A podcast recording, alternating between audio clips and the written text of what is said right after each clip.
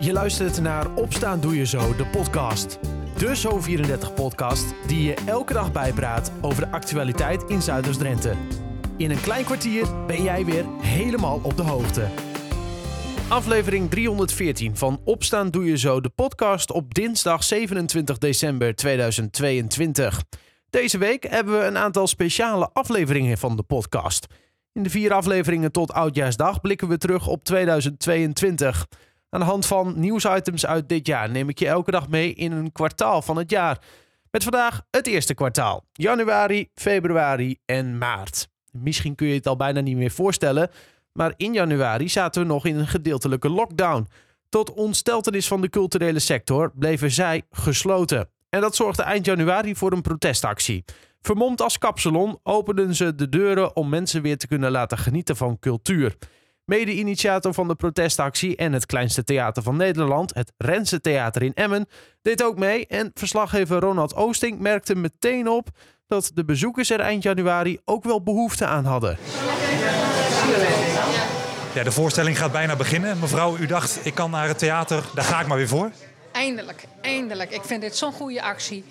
Open die hap, weg ermee. Eh, We zijn er klaar mee. Wij zijn verwend, eh, wij mogen graag theater bezoeken en het staat ook al twee jaar stil. Dus we zijn er echt blij mee. Meneer, eh, gaat u vanavond eh, naar de kapper of naar het theater? Allebei, hè? maar ik kon ook wel een kleine knipbeurt gebruiken, geloof ik. Maar primair is natuurlijk theater, hè? Waarom, vind- waarom vindt u het zo belangrijk om hier vanavond te zijn? Nou, ik vind, ik vind cultuur heel erg prettig en belangrijk. Van eh, een avondje ontspanning, een avondje uitrusten. Dat is toch heerlijk? Andries Toenderoe, eh, ja, daar sta je opeens in het kleinste theater eh, van Nederland. Hoe was het om weer te mogen spelen? Nou ja, te gek. En zeker hier eh, in het carré van het oosten was dat natuurlijk helemaal te gek, ja. Want inderdaad, het is vanavond vooral lachen, maar eigenlijk zit er ook een serieuze boodschap onder. Eh, de cultuursector zegt, ja, wij laten ons nu horen. Hoe belangrijk vind jij dat- die boodschap? Ja, superbelangrijk. Ehm, ik, snap de, de politieke afweging die mensen maken eh, tussen een medische realiteit en een, laten we zeggen, economische realiteit. Maar wat we als cultuursector gewoon elke keer merken is dat als er iets van ruimte is, dat dat eh, naar de, laten we zeggen, reguliere ondernemers gaat en niet naar de culturele ondernemers. Eh, dus bovenop dat ik persoonlijk waardevoller vind om je te laten laven aan inspiratie, creativiteit, troost, et cetera. In plaats van goedkope shit van de action. Ehm, snap ik niet dat er met twee maten gemeten wordt. Omdat als er ruimte is voor ondernemers, snap ik niet waarom de culturele ondernemers, wat toch ook een sector is die eh, jaar, ja, al twee jaar heeft bewezen dat het altijd helemaal volgens de regels kan. Eh, met, met QR-codes, met looproutes, met anderhalf meter afstand, met mondkapjes. zijn altijd het braafste jongetje van de klas geweest. En dat er dan niks van die ruimte richting culturele sector gaat, vind ik echt ronduit een schoffering. Meneer, eh, ja, de voorstelling is afgelopen. We staan nu in een tent buiten waar ook geknipt wordt. Maar u, u werd net eh, op het podium geknipt, hè? Hoe, hoe was dat? Sensationeel, denk ik. nou, ik ben in ieder geval weer wat beter verzorgd uit het theater gekomen dan dat ik erin kwam. En hoe was het voor u om gewoon überhaupt weer in een theater te zijn? Ja, dat hebben we echt gemist natuurlijk. Hè? Van, eh, en ik, vond, ik kende deze jongen niet zo heel goed. Ik weet wel dat hij een hele goede Wilders-imitatie kan doen. Maar eh, die rap van zo net, die vond ik ook fantastisch. Prachtig, zoals hij dan toch eh, met een paar zinnen die je geeft, of een paar woorden die je geeft, daar een heel verhaal van kan maken. Knap. En het gevoel om weer op, op, de, op de rode stoelen te zitten? Ja, heerlijk. Er zijn ook hele goede stoelen hier, in het Drentse Theater. Beter dan in het Atlas, denk ik. Dus als het daar nu ligt, dan eh, gauw weer? Heel snel weer. Volgende week, wat mij betreft. Landelijk deden veel theaters mee aan de actie. Inmiddels is alles natuurlijk weer open zoals we gewend zijn. En waar corona redelijk op zijn einde liep door dit jaar heen, is de huizenmarkt wel een rode draad door heel 2022. Zeker voor starters is het nog steeds ontzettend lastig om een huis te kopen. Vier vrienden in Sleen bedachten een oplossing en besloten in februari om samen hun eigen woningen te bouwen. Verslaggever Dylan de Lange sprak met de vrienden. We staan hier aan de Bontekoestraat in Sleen, in het dorp. En eh, op de achtergrond een eh, ja, drassig gebied zo tussen de woningen in. Jesmer, wat eh, komt daar? Ja, daar komen vier nieuwbouwhuizen van ons te staan. Ja, want je hoort hem al wapperen. We hebben de tekening al gereed. Wat zien we daarop? Ja, daar zien we inderdaad de bouwtekening van onze huizen. Twee keer een tweekapper, dus in totaal vier, vier woningen zien we hier uitgetekend. Ja, jullie zijn eh, zogeheten starters op de woningmarkt als vier vrienden. Dit project, eh, woningen bouwen als, eh, ja, als starters dus. Hoe komt dat zo? Ja, dat is eh, een beetje gekscherends begonnen uh, anderhalf jaar geleden. Um, omdat wij als uh, starters, zeg maar, op, op deze leeftijd alleenstaande starters geen woningen konden bouwen. Of ja, eigenlijk niet konden kopen. En, en wel bouwen. en wel bouwen, inderdaad. En zo, zo hebben, zijn we een traject aangegaan met de gemeente en de provincie. En ja, hier staan we nu. Vandaag tekenen we voor de woning. Spannend, denk ik. Ja, ja wel gezonde spanning, inderdaad.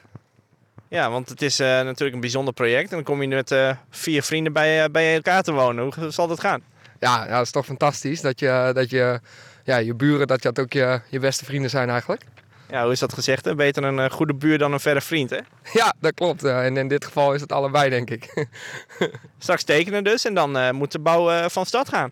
Ja, klopt. we tekenen straks en dan ja, in principe krijgen we de grond, of wordt de grond ons opgeleverd vanaf 1 mei. Wanneer moet het dan klaar zijn? Ja, we, we hebben niet echt een einddatum nog uh, gekregen of ook niet afgegeven, zeg maar. We hebben niet zoveel verplichtingen. We zitten nog allemaal goed dat, thuis, dat wel. Uh, maar we vinden het wel tijd om uit huis te gaan. En uh, ja, goed, wanneer het klaar is, dat vinden wij nog niet zo belangrijk als het maar klaar is. En straks, elke avond feest aan het bier? Nou ja, dat was niet de bedoeling. Daar hebben we uitgebreid over gesproken. Maar, oh, er zijn al afspraken over gemaakt? Ja, zeker. Het moet natuurlijk wel uh, allemaal betaald worden en uh, het moet dus niet één groot feest worden. Maar wel dichter bij de keten hoorde ik net al. Ja, die, uh, die zitten op ongeveer 500 meter van ons huis af, dus dat scheelt weer. Een serieus project waar in februari het startschot voor werd gegeven. Inmiddels is de bouw van de vier woningen zo goed als afgerond, tot tevredenheid van de vrienden.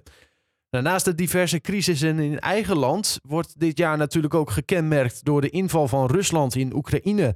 Eind februari kondigde president Poetin de zogenaamde speciale militaire missie aan. En sindsdien staat de wereld op zijn kop. In Nederland kwamen vele mensen in actie om hun steun te betuigen aan de Oekraïners. Zo werd er begin maart in het centrum van Emmen een lichtjestocht georganiseerd om de solidariteit met Oekraïne te tonen. SP-raadslid Mark Kuiper nam het initiatief en verslaggever Tom Meijers sprak met hem. Nou, wij gaan dus een solidariteitstocht doen voor de Oekraïne. En we gaan vanaf het Noorderplein gaan we naar het oorlogsmonument gaan we lopen. Om dus uh, in feite schouder aan schouder te staan met de mensen in Oekraïne. Om daar de aandacht aan te besteden. We hopen dus op een, een, een, een mooie opkomst. En wat ik ook zo hoor is dat de burgemeester die gaat ook meelopen. Dus ik hoop dat er een goede opkomst komt. Ja, wat, uh, waarom is het belangrijk dat nou ja, ook de Emmenaren solidariteit tonen met Oekraïne? Nou, het is belangrijk. Kijk, Oekraïne is een, een, een, een democratisch land. Mensen hebben gekozen voor deze president en voor dit beleid. Kijk, als je je voorstelt dat bijvoorbeeld uh, België of Duitsland hier uh, in zou vallen, zou ook verschrikkelijk zijn. Dus wij moeten gewoon als Europeaan moeten gewoon allemaal achter elkaar staan en, en, en solidair zijn met ja, met de Oekraïne. Dat is gewoon heel erg belangrijk. Het kan ook hier gebeuren. En uh, waarom dan het idee om een lichtjestocht te doen? Nou, een, een, met een lichtjestocht, dat, dan, dan, dan laat je een beetje het, het licht zien. Hè? Het vredelicht. Uh, ja, gewoon de positiviteit dat er toch nog licht is aan het eind van de tunnel. Dus uh, dat is eigenlijk voor de positiviteit. En hoe volgt u die hele situatie in Oekraïne? Hoe ik dat volg? Nou ja, ik, ik, je ziet natuurlijk het nieuws en je, je, je krijgt het allemaal mee. En uh, je gaat je toch ook zorgen maken van uh, wat gaat er allemaal verder gebeuren. En, en, je denkt aan al die mensen die daar dus vluchten vanuit huis. Je moet je eens voorstellen, de ene dag zit je op terras en de andere dag moet je vluchten voor, voor raketten. Dat is echt uh, onvoorstelbaar. En daar moeten we echt bij stilstaan en eens gaan denken van... ja, dit kan ook hier gebeuren. Dus ja, ik, ik hoop dat er heel veel mensen komen. En dat er hier ook waarschijnlijk nog wel een vervolg op komt. Of, of dat er acties van uh, uit, uitvloeien voor de Oekraïne zou heel erg mooi zijn. Want die mensen hebben ook echt steun nodig. En waar moeten we dan aan denken? Nou ja, kijk, uh, er zijn natuurlijk heel veel vluchtelingen die ook deze kant op komen. Hè? En er zijn ook heel veel Oekraïners die zitten vast in Nederland, chauffeurs en dergelijke. Kijk, die kunnen ook geen kant op. En die hebben waarschijnlijk ook wel steun, steun nodig. Uh, kleren, eten, drinken. En ik hoop dus ook dat, dat, dat mensen zeggen van, nou ja, wij gaan dit oppakken. En wij gaan ook ervoor zorgen dat, dat die mensen uh, ja, geholpen worden. Ja, het, stroomt hier langzaam vol, het plein. wat denk je dan als je dit zo ziet? Nee, het is hartstikke mooi. Ik denk ook wel dat, dat, dat de meeste mensen beseffen van uh, wij, moeten iets van ons laten horen. En uh, ja, er is echt heel veel sympathie voor deze actie, dat merk ik wel. ook via social media. Dus eh, ik denk wel dat het goed gaat komen. Ook burgemeester Erik van Oosterhout was in maart bij de tocht aanwezig. En hij zei daar het volgende over. Burgemeester Erik van Oosterhout, we staan hier bij het uh, ja, oorlogsmonument in Emmen. We hebben net een lichtjesoptocht gezien. Um, waarom is het belangrijk dat ook de Emmenaren hun solidariteit tonen met Oekraïne? Nou ja, Emmenaren maken deel uit van Nederland. En heel Nederland is op dit moment heel geschokt over datgene wat er is gebeurd in, uh, in Oekraïne. Het gaat om meer dan zomaar een oorlog. Het gaat volgens mij om hele belangrijke waarden hoe mensen met elkaar omgaan. En ik vind het heel mooi dat in Emmen zoveel mensen gehoor hebben gegeven aan de oproep om hier te komen staan. Ja, wat doet dat met u als u nou ja, deze opkomst ziet? Nou ja, um, hoe zeg je dat? Trots. Een beetje ontroerd ook wel. Vind het mooi dat zoveel mensen dit, dit, dit zien. En het, het, het, het wel mijn gevoel dat, dat we met elkaar het idee hebben van ja, zo moet het absoluut niet gaan in Europa. Dus dat, dat doet wel wat met me, ja. Ja, en uh, u heeft net ook kort een toespraak gedaan. Uh, als u kijkt ook naar de samenstelling van de groep, dat is heel divers, hè? van jong tot oud. Ik zie uh, nou ja, belangengroepen hun woordje doen. hoe vindt u dat? Ja, geweldig. Ik, ik loop inderdaad even, vooraf liep ik even door die groep heen.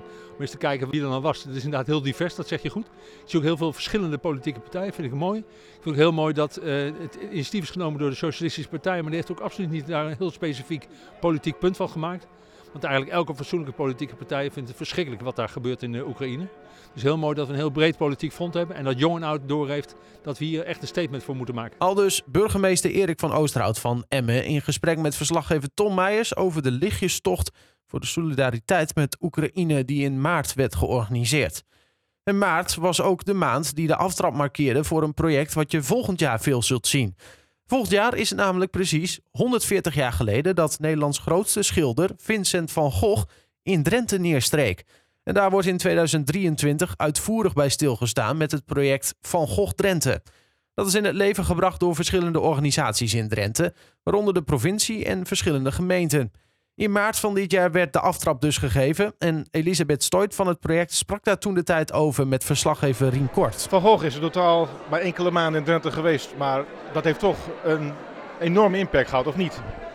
Ja, dat heeft zeker impact gehad. Het was echt wel een beetje een, een keerpunt in zijn leven, want hier heeft hij uiteindelijk besloten dat hij zijn leven lang wou gaan schilderen. Precies, ja. En uh, we zijn nu bijna 140 jaar verder en uh, daar gaan we op een hele bijzondere manier bij stilstaan volgend jaar. Ja, we willen in 2023, maar ook na 2023 willen we het verhaal uh, van Van Gogh in Drenthe. Wat heeft hij hier gedaan? Wat vond hij nou zo mooi in Drenthe? Wat inspireerde Van Gogh? Uh, dat willen we meer zichtbaar en beleefbaar maken uh, vanaf 2023. Wat gaat er allemaal gebeuren? Wat staat er op het programma? Nou, als um, uh, kopstuk zeg maar, um, komt er in ieder geval een tentoonstelling in het Drents Museum waar de Drentse werken van Van Gogh voor het eerst bij elkaar worden gebracht. Dus dat is nog nooit eerder gebeurd. Dus dat wordt een basistentoonstelling. En daarnaast komt er onder andere ook uh, op verschillende plekken in Drenthe uh, theaterproducties.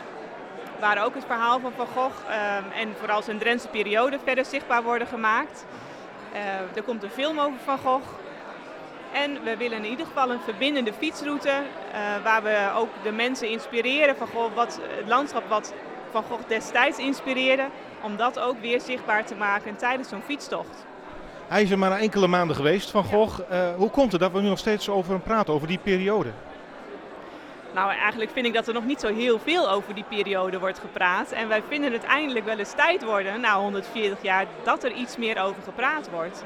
Omdat het toch ja, een wereldberoemde kunstenaar is, een van de drie bekendste schilders van de wereld. Ja, en dat hij toch een aantal maanden heeft verbleven in Drenthe, ja, dat is wel het vertellen waard. Helemaal omdat hij enorm werd geïnspireerd door dat landschap hier. Ja, precies. Wat deed Drenthe precies met Vincent eigenlijk? Ja, hij werd heel erg geraakt door dat rauwe van het landschap, dat, dat het oerlandschap in Drenthe, maar ook de, de mensen die hij hier tegenkwam, gewoon de, de normale rauwe arbeiders met van die rauwe koppen. Nou, dat is wat hij uh, mooi vond, dat, dat, dat normale leven, dat, dat, dat oerleven, dat wou hij uh, schilderen. Hier is het laatste woord dus nog niet over gezegd, want dit project wordt het komende jaar dus flink uitgevoerd. En daar zul je dan weer genoeg over horen bij ons op Zo34. Nou, tot zover de podcast van dinsdag 27 december. Morgen is er weer een nieuwe podcast. Dan blikken we terug op het tweede kwartaal van 2022. Voor nu een mooie dag en tot morgen.